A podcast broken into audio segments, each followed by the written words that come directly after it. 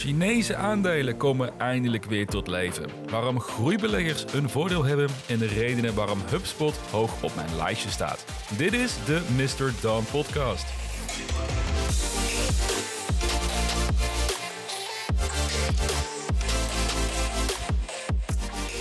Ja, en welkom bij alweer een nieuwe aflevering van deze podcast, waar de focus ligt op het investeren in groeiendelen en in opkomende technologieën. En ik ben waarschijnlijk een tikkeltje gekleurd in deze mening. Maar ja, wat is er eigenlijk leuker dan op de beurs beleggen in opkomende bedrijven en technologieën die ons leven drastisch gaan veranderen? Ja, en soms vraag ik mij wel eens af maar waarom er niet meer beleggers zijn die een, eh, die een soortgelijke strategie volgen. Maar dan open ik mijn brokers-app voor de dag en dan is mijn portfolio weer 6% gestegen of gedaald. Vaker het tweede regelmatig. Nou, dan begrijp ik weer goed waarom het gros van de beleggers meer in een, eh, in een passieve indexfonds zitten, of in ieder geval minder volatiele aandelen. En toch denk ik dat wij als groeibeleggers, en ik generaliseer even dat uh, iedereen die deze podcast luistert wel enig interesse heeft in dit soort aandelen, ja, dat we een paar voordelen hebben die de markt breed niet heeft. En dat ons daarmee ook in staat stelt, mits ons houden aan bepaalde richtlijnen en echt het, ons voordeel benutten, ja, dat ons in staat stelt om de gemiddelde belegger en investeringsfonds ja, te overtreffen qua rendement. Dus dat staat voor deze aflevering op de agenda om hier mijn gedachten over te delen. Nadat ik het nieuws heb besproken van de afgelopen week. En daarna wil ik een snelle blik werpen op het aandeel HubSpot, een populair CRM-systeem die het afgelopen jaar nou, behoorlijk hard is gegroeid. Dat aandeel is op mijn gewenste portfoliolijst voor dit jaar geplaatst. Ik heb er nog geen positie in, maar het lijkt mij wel interessant om te delen waarom ik HubSpot zo hoog heb zitten. En dat gaan we natuurlijk allemaal bespreken in deze aflevering, maar niet voordat je hebt geluisterd naar de gebruikelijke disclaimer. Want dit is geen financieel advies. Doe altijd je eigen onderzoek en beleg alleen met geld dat je kunt missen. En vind je dit een toffe podcast? Nou, dan zou je mij helpen om een score achter te laten via de Spotify-app of via Apple Music. En hoe hoger de score die jij geeft, des te hoger de karma die jij krijgt op de beurs. Tenminste, zo, uh, zo schijnt het te werken. ik heb de regels niet bedacht, hè? dus iemand zei dat het zal kloppen. Dus ik zou het, uh, ik zou het maar aannemen als ik jou was. Goed, we gaan beginnen met het nieuws van de afgelopen week. En daarover heb ik twee punten die ik met jullie wil bespreken. Om te beginnen met de update vanuit de Amerikaanse Fed. Afgelopen woensdag gaf Jerome Powell, de voorzitter van de Federal Reserve, het signaal voor de eerste verhoging van de rente dit jaar. Ook sprak hij een verwachting uit dat er in totaal zeven renteverhogingen gaan komen dit jaar. Ja, en dat zou je zelfs nog agressiever kunnen noemen, omdat zij tegelijkertijd ook hun investeringen gaan afbouwen in het komende jaar. Maar wat mij is opgevallen, is dat de Fed een, ja, iets wat tegenstrijdig verhaal had. Enerzijds geven ze aan dat ze verwachten dat de gemiddelde inflatie in Amerika zal oplopen naar 4,3 procent. En dat is hoger dan de eerste verwachtingen die ze zelf afgaven. Maar tegelijkertijd kiezen ze niet voor een agressiever beleid om dit tegen te gaan. Want de eerste renteverhoging die is vrij beperkt, tussen de 0,25 en 0,5 procent. Ja, naar verwachting zullen ze eind dit jaar rond de 2% rente gaan uitkomen. En eind volgend jaar pas rond de 2,75%. Nou, nu zegt dat aan dat cijfer natuurlijk niet heel veel. Ik ben zelf ook geen macro-econoom. Maar als ik dat vergelijk met de situatie in 2000 en 2008, ja, toen was de rente vele malen hoger. Namelijk 6,5% en ruim 5%. En terwijl het toch erop lijkt dat de inflatie nu veel harder oploopt dan destijds, door het overmatig printen van geld van de afgelopen twee jaar. Maar goed, dat is natuurlijk allemaal uh, leuk en aardig. Ik heb er ook te weinig verstand van om daar heel erg op in te gaan. Maar hoe reageerde de markt nou op dit nieuws? En ik vind dit altijd wel leuke momenten om op mijn ene scherm de persconferentie met Jerome Powell aan te zetten. En op mijn tweede scherm om dan de Nasdaq-prijs te volgen. En wat mij echt heeft verrast, is dat de markt ja, eigenlijk ontzettend opgelucht leek over het bericht van de Fed. Vanaf het moment dat de persconferentie eh, begon, tot aan het einde van de beursdag, is de Nasdaq namelijk met 2% gestegen. En dat herstel heeft zich eigenlijk de rest van de week doorgezet, waardoor de Nasdaq in de afgelopen week met bijna 8% is gestegen. En dat vind ik een interessant gegeven om een kritische blik op te werpen. Want dit kan nu namelijk twee kanten op. Op Twitter had ik al een, post geplaatst dat een relief rally eraan zat te komen. Puur omdat bepaalde aandelen simpelweg gewoon te zwaar zijn afgestraft in de afgelopen maanden.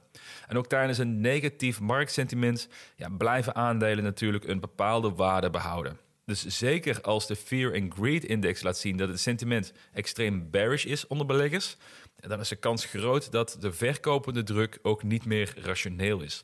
Oftewel, bepaalde aandelen worden simpelweg te goedkoop en dan is er ook weinig voor nodig om weer enthousiaste kopers te vinden die het een goede deal vinden. Met als gevolg een stevige relief rally, zoals we dat in de afgelopen week zagen.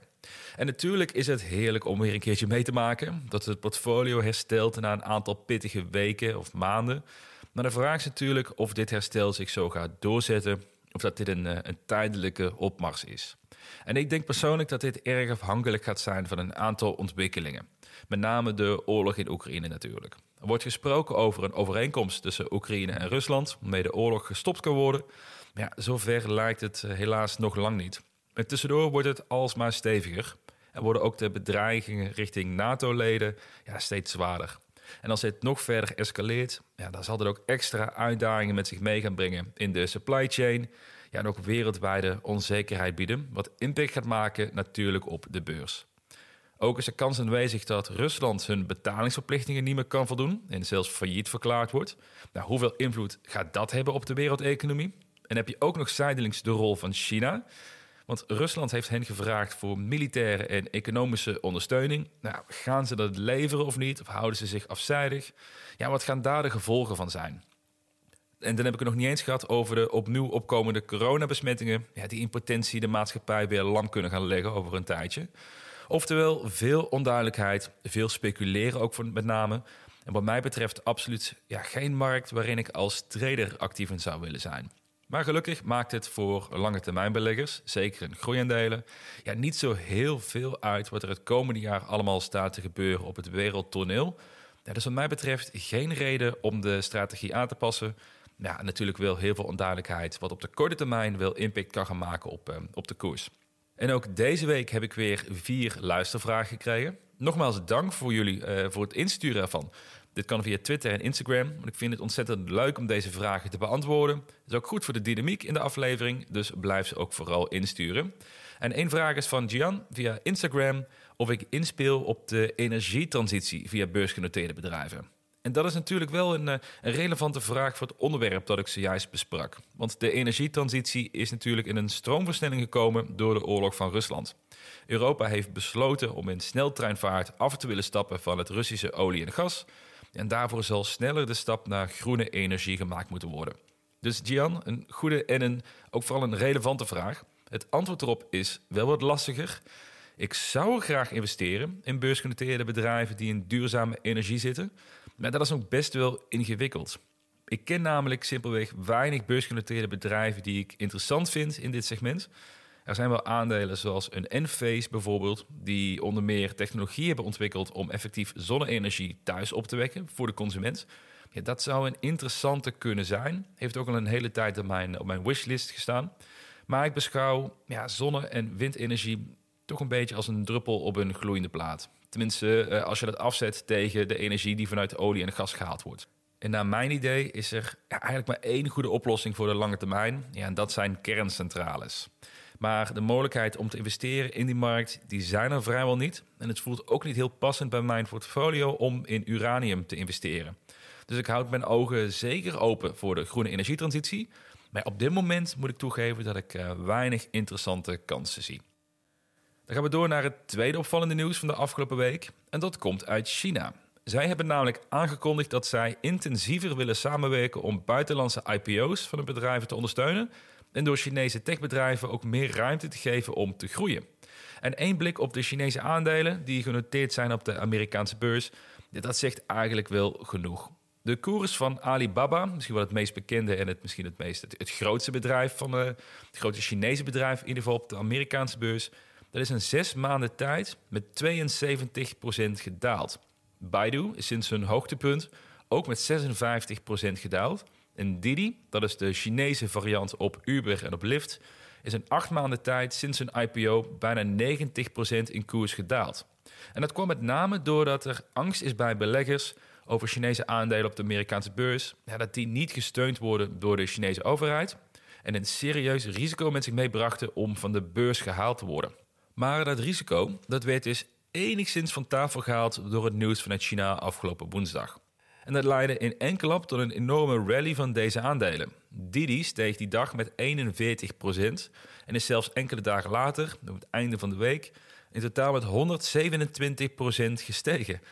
Alibaba is sinds woensdag met 41% gestegen, wat een stijging van de waardering betekent van bijna 100 miljard dollar. Dus in één klap, door één persbericht uit China, zijn deze aandelen weer fors in koers gestegen. En het blijft voor mij verrassend om te zien hoe snel het kan gaan op de beurs. Maar hebben deze Chinese aandelen nog wel een behoorlijke afstand af te leggen om weer eh, enigszins in de buurt te komen van hun all-time high. Hierover werd op Twitter wel de vraag gesteld of ik hierdoor mijn mening over Chinese aandelen heb herzien. Maar ik blijf erbij dat beleggen in Chinese aandelen een onnodig groot risico met zich meebrengt. En ik vind ook een intentie van de overheid om tech beter te ondersteunen en nog geen reden om opeens bullish te worden. Al moet ik wel toegeven dat het mij niet zou verbazen als Chinese aandelen in de komende 5 à 10 jaar ja, veel populairder worden, gezien de groei die het land doormaakt en een alsmaar toenemende macht in de wereldeconomie. Dus ik kan het mij wel voorstellen dat je het risico van Chinese aandelen voor lief neemt, om daarmee wel te profiteren van de groei die het land verder te bieden heeft in de komende jaren.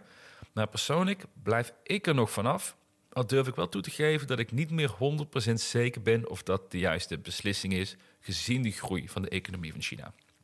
Tot zover het nieuws van de afgelopen week. Dan wil ik namelijk door naar het, het eerste of het volgende onderwerp, namelijk over waarom groeibeleggers een specifiek voordeel hebben ten opzichte van andere type beleggers. En de afgelopen week heb ik erover nagedacht, wat nou het ultieme profiel is van een goede belegger. En natuurlijk is er niet één profiel die het meest succesvol is. Maar er zijn meerdere facetten en persoonlijke eigenschappen die in ieder geval de kans verhogen om succesvol te worden. En een paar facetten daarvan, ja, die kon ik eigenlijk direct verbinden aan beleggen in groeiaandelen. En ik zou zeker niet zo ver durven gaan om dit een ode aan de groeibelegger te noemen, want dat, uh, dat, dat eh, voelde een beetje gek, moet ik toegeven. Maar misschien dat mijn gedachten wel aanslaan hierover bij een aantal luisteraars. Want via Twitter kreeg ik van Robert de vraag, nu de beurs zodanig is gedaald, of ik ook andere aandelen in de gaten houd dan enkel groeiendelen. En dat vind ik wel een interessante vraag om dit segment mee af te trappen. Een aantal afleveringen geleden heb ik namelijk mijn schaduwportfolio van value aandelen gedeeld. Het uitgangspunt daarvan was dat als ik zou gaan beleggen vanuit mijn oude gedachtegang, dus meer gericht op de solide value aandelen, ja, welke aandelen zou ik dan nu kopen? En dat lijstje bestond uit zes aandelen, namelijk Activision Blizzard, Bayer, HP, Intel, Alibaba en Meta of Facebook.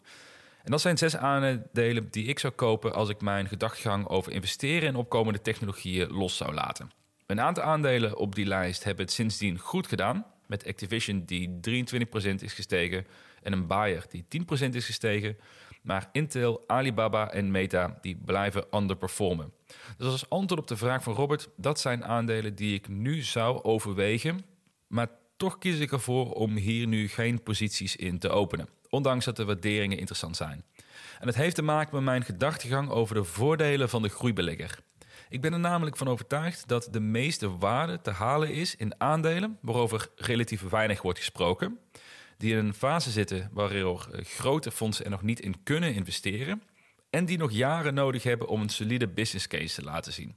En die combinatie van die drie facetten die zijn uniek voor beleggen in groeiendelen in opkomende tech. Laat ik het concreet maken met een, eh, met een voorbeeld. Om een veelbesproken aandeel erbij te pakken, Desktop Metal. Nou, waarom vind ik dit nou zo'n typisch voorbeeld van een asymmetrische investering op dit moment? Dus terug naar die checklist van zojuist. eerste vraag: eh, wordt er veel over Desktop Metal gesproken door de generieke belegger? Nou, dat is dus absoluut niet het geval.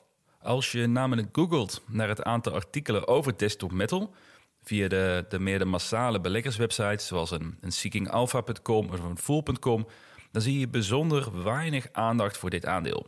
En als het er niet op staat, dan betekent dit dat de generieke belegger hoogstwaarschijnlijk ook geen idee heeft dat dit aandeel bestaat. Want uiteindelijk zorgen dat soort sites ervoor dat beleggers er toch een aandeel op hun netvlies krijgen.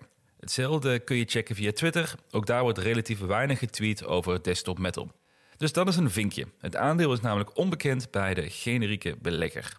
Dan het tweede punt. Kunnen grote fondsen er al in beleggen, ja of nee? Nou, Desktop Metal is op dit moment een hoogst speculatief aandeel. Ze hebben een omzet behaald van 200 miljoen dollar in het afgelopen jaar. Het aandeel is gewaardeerd op anderhalf miljard dollar. En het handelsvolume is nou, relatief laag eigenlijk, vergeleken met andere aandelen. Dus daardoor kunnen veel fondsen er niet in investeren, omdat het te speculatief is en te klein.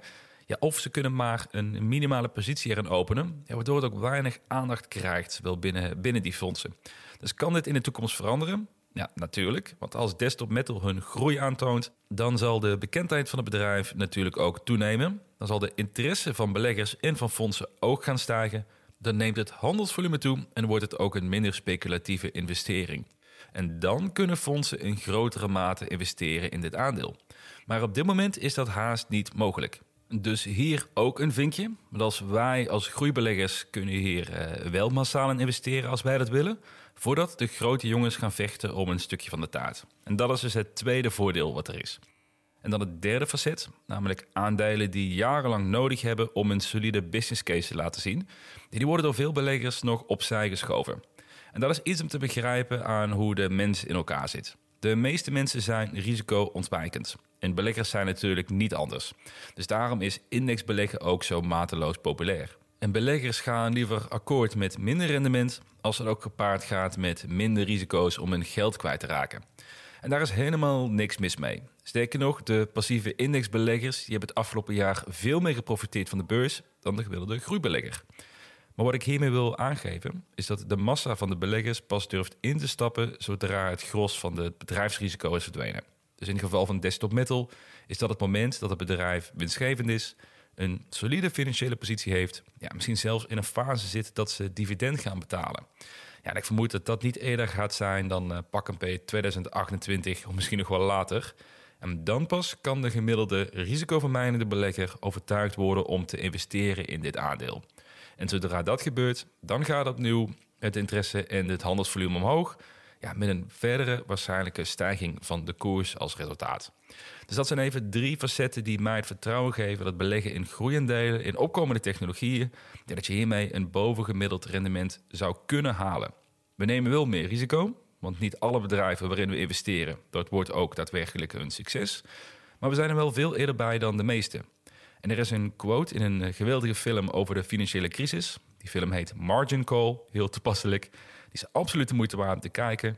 En in die film zegt de CEO van een investeringsbank dat er drie manieren zijn om rijk te worden. Je bent de slimste, je bent de eerste of je moet vals spelen. Nou, vals spelen doen we natuurlijk niet aan. En ondanks dat je heel hard kan werken om tot de slimste mensen op de beurs te behoren, is het vooral veel makkelijker om vooral de eerste te zijn die een beslissing maakt.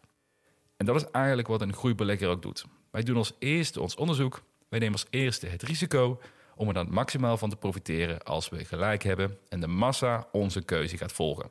Nou, dat is toch een, uh, een mooie afsluiting van het eerste onderwerp van deze aflevering, lijkt mij toch. Dan is het tijd voor weer een luistervraag. Mark vraagt via Twitter of ik aandelen binnen het segment Digital Security interessant vind. En zo ja, welke aandelen houd ik in de gaten?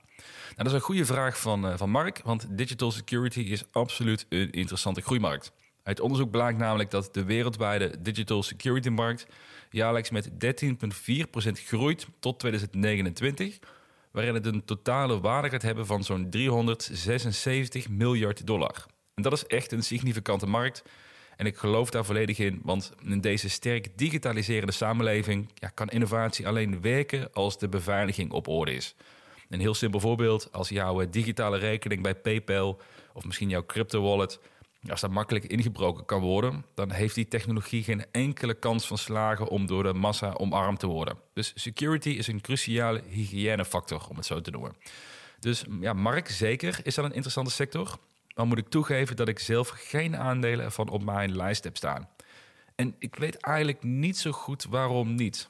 Waarschijnlijk omdat ik zelf niet genoeg kennis ervan heb om te weten welke cybersecurity aandeel beter is dan de ander. Want er zijn genoeg interessante aandelen op de beurs. Ik moet namelijk meteen denken aan een, eh, CrowdStrike bijvoorbeeld, of aan een Z-scaler. En ik herinner mij wel dat ik ernaar gekeken heb. maar dat de waarderingen zo hoog zijn van dit soort type aandelen, dat ik er maar niet verder in heb verdiept. CrowdStrike is bijvoorbeeld momenteel gewaardeerd voor 36 keer hun omzet van de afgelopen 12 maanden. En Zscaler zelfs 39 keer de omzet. Ja, dat zijn waarderingen waardoor ik al heel snel mijn interesse verlies. En misschien is dat te kortzichtig, maar als antwoord op jouw vraag, ik zou meer aandacht mogen hebben voor cybersecurity aandelen. Maar ik vind het dus lastig om aandelen te vinden die het qua waardering en mijn ogen rechtvaardigen om daar nu een, eh, een goede blik op te werpen. En in dat kader kreeg ik ook een vraag van Matthijs binnen via Instagram. Hij vraagt zich af of het businessmodel van Google, en met name rondom hun persoonsdata, of dat in gevaar komt voor de langere termijn. En dat is ook een interessante vraag van Matthijs, want hij doelt namelijk op de zogeheten AVG-wet, die persoonsgegevens moet beschermen van misbruik. En een van de manieren waarop persoonsgegevens wordt gebruikt door Google is door middel van cookies in je browser. En hiermee kan Google jou praktisch over het gehele internet volgen en een profiel samenstellen over jouw eh, leeftijd, je woonplaats, je interesses. Ja, die gegevens zijn natuurlijk ontzettend waardevol voor adverteerders, want het helpt hen om meer relevante advertenties aan jou te laten zien. Maar tegelijkertijd is de Europese Unie hier sterk tegen aan het verzetten. Allereerst door de zogeheten cookie bar te introduceren, waardoor je op allerlei websites akkoord moet geven in een pop-up die niemand leest. Dus ja, dus dat is nogal een, eh, een papieren tijger qua oplossing gebleken. Maar nu is dus besloten dat third-party cookies voor advertentiedoeleinden in zijn totaliteit gaan verdwijnen. En Google doet hier ook al mee door vanaf 2023 dit soort cookies niet meer te ondersteunen. En ja, zonder te veel op de inhoud in te gaan, maar er zijn, eh, er zijn twee soorten cookies. Dat is even belangrijk wel om de nuance aan te geven in dit verhaal. Je hebt first-party cookies en je hebt third-party cookies. De first-party cookies is data die het platform ontvangt, die jij bewust opzoekt. Dus bijvoorbeeld dat jij toestemming geeft om het paswoord van jouw account op te slaan, of dat je ervoor kiest dat de site de Nederlandse taal onthoudt, omdat dat jouw voorkeur heeft. En ook de gegevens die jij invult in bijvoorbeeld jouw Facebook of jouw Netflix-account, dat zijn first-party data. En die cookies die blijven bestaan, want dat draagt simpelweg bij aan een beter en een efficiënter internet. De third-party cookies, dat zijn cookies die door derden, hm, third party, worden geplaatst. Dus door advertentienetwerken zoals Google en Facebook. Die cookies die gaan verdwijnen. Dus je zou mogen stellen dat dit impact gaat maken op de inkomsten van dit soort bedrijven. En daar gaat dan ook de vraag van Matthijs over: gaat Google hier omzetverlies van merken? En het antwoord is ja en nee, maar vooral nee. De reden ligt bij het onderscheid van het type cookies. Google mag namelijk wel nog steeds data gebruiken die zij van jou hebben gekregen met jouw toestemming. Namelijk doordat je bijvoorbeeld een Gmail-account hebt aangemaakt. En hierdoor kan Google nog steeds advertenties verkopen aan een specifieke groep mensen. Hetzelfde geldt voor uh, bijvoorbeeld voor Pinterest, die ook een omzet halen uit advertentieinkomsten. Want de data die Pinterest over jou weet, dat zijn namelijk de gegevens uit jouw Pinterest-account en welke type pins jij bekijkt op een platform ja, dat, geeft ze nog steeds een profiel wat zij aan hun advertenties of aan hun adverteerders kunnen verkopen. En wat gaat veranderen is dat het een advertentienetwerk zonder first-party data, dat zij nieuwe manieren moeten gaan vinden om wel die data te krijgen. Dus bijvoorbeeld een, een PubMatic of een Trade Desk, die zelf niet eigenaar zijn van een platform waarop hun advertenties staan, ja, die zullen wel met een oplossing moeten gaan komen. Maar persoonlijk denk ik niet dat het zo'n groot probleem gaat worden voor de markt. Data en cookies zijn namelijk essentieel in het ecosysteem van digitale advertenties. En Google heeft praktisch een monopolie met Google Ads, met YouTube en ook met de Chrome browser. Dus ik zou mij als investeerder in Google hier absoluut geen zorgen voor maken. En ook voor een investeerder in bijvoorbeeld een PubMatic of een andere nou, uh, advertentieboer, om het zo even uit te drukken. Ja, ook daar gaan manieren voor gevonden worden om toch voldoende data te hebben om advertenties relevant genoeg te maken. Is mijn verwachting in ieder geval. Nou, dan hebben we het gehad over de Fed, we hebben het gehad over Chinese aandelen en over de specifieke voordelen van de groeibelegger. Dan is het alweer tijd voor het laatste onderwerp van vandaag, namelijk een blik op het aandeel HubSpot. En dit aandeel staat op mijn gewenste portfoliolijst. Ik heb hier nog geen positie in, maar vergelijkbaar met het aandeel Unity van de vorige aflevering vind ik dit ook een ontzettend interessant aandeel, waarbij ik wel aan het wachten ben op de juiste waardering. Desalniettemin, zeker met hoe volatiel de markt momenteel is, lijkt het mij wel een goed moment om mijn redenen te delen waarom HubSpot zo hoog op mijn lijstje staat. En om mee af te trappen, wat is HubSpot, HubSpot eigenlijk? Ik heb het al 13 keer verwacht met HubSpot, maar dat, uh, dat is vooral voor de Leidse luisteraars mooi om te horen, denk ik. Maar HubSpot is een CRM-platform die zich richt op marketing, verkoop en een geïntegreerd klantenservice. Zij werken met een software as a service model, wat traditioneel staat voor hoge marges en sterke schaalbaarheid. Dus je zou het kunnen vergelijken met bijvoorbeeld Salesforce, al is dat iets meer gericht op de grote corporates en richt HubSpot zich meer op het midden- en het kleinbedrijf. En dat zie je ook terug in hun missiestatement. Zij willen namelijk organisaties helpen om beter te groeien. En met beter groeien bedoelen ze dat je als organisatie klanten aantrekt op een langdurige, meer een houdbare manier. Nou, dat klinkt misschien allemaal als eh, marketinggezever, maar HubSpot heeft hier wel echt een, eh, de juiste snaar mee geraakt. Veel CRM-systemen zijn er namelijk op ingericht om zoveel mogelijk contactmomenten te krijgen met de potentiële doelgroep. Met als doel om zoveel mogelijk klanten eh, te, ja, te, te, binden eigenlijk. En die klantenkring uit te bouwen en iedere maand zoveel mogelijk nieuwe klanten aan te trekken. En dat is een beetje het oude principe van dat veel organisaties liever een nieuwe klant erbij willen dan een bestaande klant behouden. En dat is helaas ook de werkelijkheid hoeveel salesorganisaties werken. Vandaar dat je, als, een, uh, als accountmanager dat je vaak een bonus krijgt als je een nieuwe klant hebt aangesloten. Maar je krijgt geen bonus als je een bestaande klant hebt behouden. Terwijl die op de langere termijn veel meer geld in het laadje brengen. Een HubSpot snapt dit principe. En zij hebben hun platform gebouwd rondom de gedachtegang dat je klanten op een fijne manier wilt aantrekken. En dat je waarde bewijst door hen te helpen groeien. En daarmee dus ook een langere tijd een relatie opbouwt met die klanten. Nou, hoe doen ze dat dan? Hiervoor hebben ze een suite aan verschillende producten gebouwd. Of in hun eigen woorden verschillende hubs. Er is een marketing hub die helpt om meer bezoekers op de site te krijgen en daar het aantal conversies te verhogen. Er is een sales hub die inzicht geeft in jouw potentiële klanten. Vanuit de Service Hub behoud je het contact met die bestaande klanten en los je hun vragen op. De CMS Hub is voor het aanpassen van de website. En afsluitend de Operation Hub zorgt ervoor dat jouw data over de verschillende hubs en over de verschillende teams wordt gestroomlijnd en geautomatiseerd.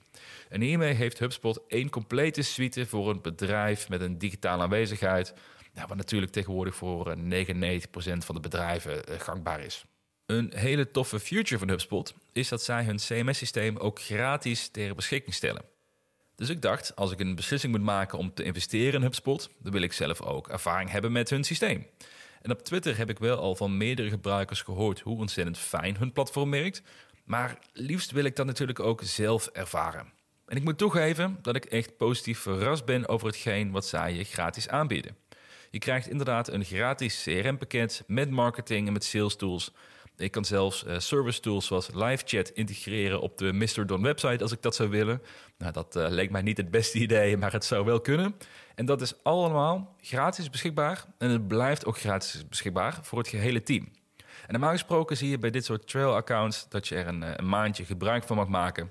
Maar HubSpot gaat echt wel een stap verder. Ook werd ik meteen de dag erna benaderd door een Nederlandse accountmanager die mij via de mail handige tips gaf om het platform te gebruiken, met het aanbod om er ook telefonisch doorheen te lopen. En hier heb ik dan niet op gereageerd, omdat ik uh, Trail Account vooral gebruik om het platform te testen voor deze analyse. Maar de mail van de HubSpot accountmanager en ook zijn herinneringsmail, ja, die waren wel echt bijzonder netjes en kwamen ook overeen met hun visie om klanten op een, uh, op een fijne manier aan te trekken. In plaats van via sales trucjes of via kortlopende aanbiedingen om op die manier proberen je business op te halen. En ondanks dat ik het platform slechts beperkt kon testen, want ik heb geen bedrijf waarmee ik uh, HubSpot uitgebreid kan toetsen, was de eerste indruk wel erg positief. En uiteindelijk kom je er via Google ook wel achter, als je de reviews opzoekt over HubSpot, ja, dat overal ook bijzonder positieve reacties zijn te vinden over het product. En het product is natuurlijk ontzettend belangrijk, zeker bij een software as a service bedrijf. Maar als belegger kijk je natuurlijk eh, naar meer facetten dan alleen het product. Om te starten met het management en de cultuur. En dit is een van de redenen waarom ik op HubSpot ben uitgekomen. Want dit bedrijf staat al jarenlang in de top van de Glassdoor Best Places to Work lijst. En ook op vergelijkbare andere verkiezingen wordt HubSpot eh, geroemd om hun cultuur en hun management. En de CEO van HubSpot, Yamini Rangang, ik hoop dat ik het eh, goed uitgesproken heb.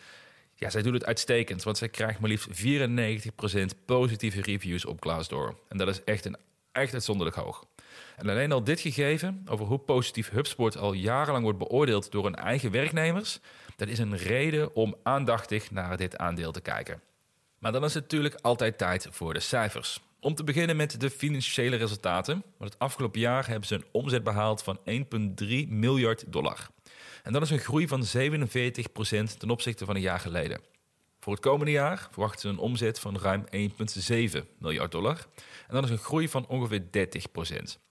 En dat is een mooi vooruitzicht, ook een combinatie met de 81% brute marge die het bedrijf heeft behaald.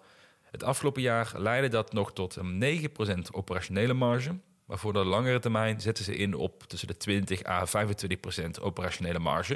En het komt omdat er op dit moment fors wordt geïnvesteerd in sales en marketing. Namelijk 45% van die 81% bruto marge gaat hier momenteel naartoe. Maar op termijn verwachten ze minder investeringen nodig te hebben in sales en marketing om hun organische groei te behouden. En dat leidt dan direct tot hogere marges onderaan de streep. En ondanks dat hun cashflow fors is gegroeid in de afgelopen jaren, ja, blijft HubSpot wel een verliesgevend bedrijf. Mede dus door de stevige investeringen die nu nog gemaakt moeten worden. En dat heeft het afgelopen jaar tot een verlies geleid van 78 miljoen dollar. Maar dat is geen enkele reden tot zorg. Hun cashpositie per einde jaar was namelijk 1,4 miljard dollar. Dus dat is meer dan genoeg financiële ruimte om verdere investeringen te blijven doen in de komende jaren. Het is mij alleen niet duidelijk uit een guidance of HubSpot het komende jaar al verwacht om uh, zwarte cijfers te gaan schrijven. Maar die trend gaat wel duidelijk die kant op. Is HubSpot dan ook een goede investering op dit moment? Nou, en hier volgt eigenlijk opnieuw een parallel met Unity van vorige week. Het zijn beide gewoon ontzettend mooie bedrijven. Het zijn toppers in hun eigen markt. Ze hebben allebei een hele mooie toekomst voor zich. Maar zoals we het afgelopen jaar echt wel hebben gemerkt, waarderingen blijven ontzettend belangrijk. En als we kijken naar de waardering van HubSpot, ja, dan vind ik dat eigenlijk uh, veel te hoog bij de huidige koers van bijna 490 dollar. Want dat is een uh, waardering van ruim 23 miljard dollar. En dat betekent namelijk dat je momenteel bijna 14 keer de verwachte omzet van het komende jaar betaalt. Ik ben echt wel bereid om een premium te betalen voor, uh, voor uitstekend management, de hoge brute marges en de groei die ze laten zien. Maar 14 keer is wel, uh, wel echt heftig. En als ik optimistisch ben en die positieve eigenschappen ook echt flink waardeer, dan zou ik maximaal 10 keer de omzet willen betalen. En ook dat is echt wel al vrijgevig hoor. En wordt namelijk pas echt aantrekkelijk bij zo'n 5 à 6 keer de omzet. Maar goed, je hoeft alle aandelen natuurlijk niet altijd om een absolute bodemprijs op te pikken om er een goed rendement op te maken. Met 10 keer de sales, dat vind ik wel het maximale. Dus dat zou een waardering betekenen van circa 17 miljard dollar. En dat is een koers rond de 360 dollar. Oftewel een daling van zo'n 28% vanaf het huidige punt. En ik denk dat dat zomaar kan gaan gebeuren in de komende weken. Want een week geleden stond het aandeel nog rond de 385 dollar. En de volatiliteit is nog zeker niet uit de markt verdwenen. Dus mijn koopdoel staat op 360 dollar voor de eerste positie. Waarna ik een, eh, een hoop een volledige positie kan innemen rond de 300 dollar. En we gaan zien of dit gaat gebeuren. Eh, stiekem hoop ik er wel op. Anders, uh, anderzijds zal het wel betekenen dat de hele markt nog steeds flink gaat dalen. Dat is misschien minder positief voor mijn portfolio. Maar ik zou nog steeds graag HubSpot onderdeel willen maken van mijn meerdere jaren portfolio. Maar nogmaals, wel voor de juiste prijs. En dat was hem weer voor deze week. Dus vind je dit een toffe podcast en wil je karma-punten scoren? Denk dan aan het achterlaten van een waardering via de Spotify-app of via Apple Music. Volg mij op Twitter via MrDawnNL als je dagelijks wilt weten waar ik mee bezig ben. Nogmaals, dankjewel voor het luisteren en graag tot de volgende week.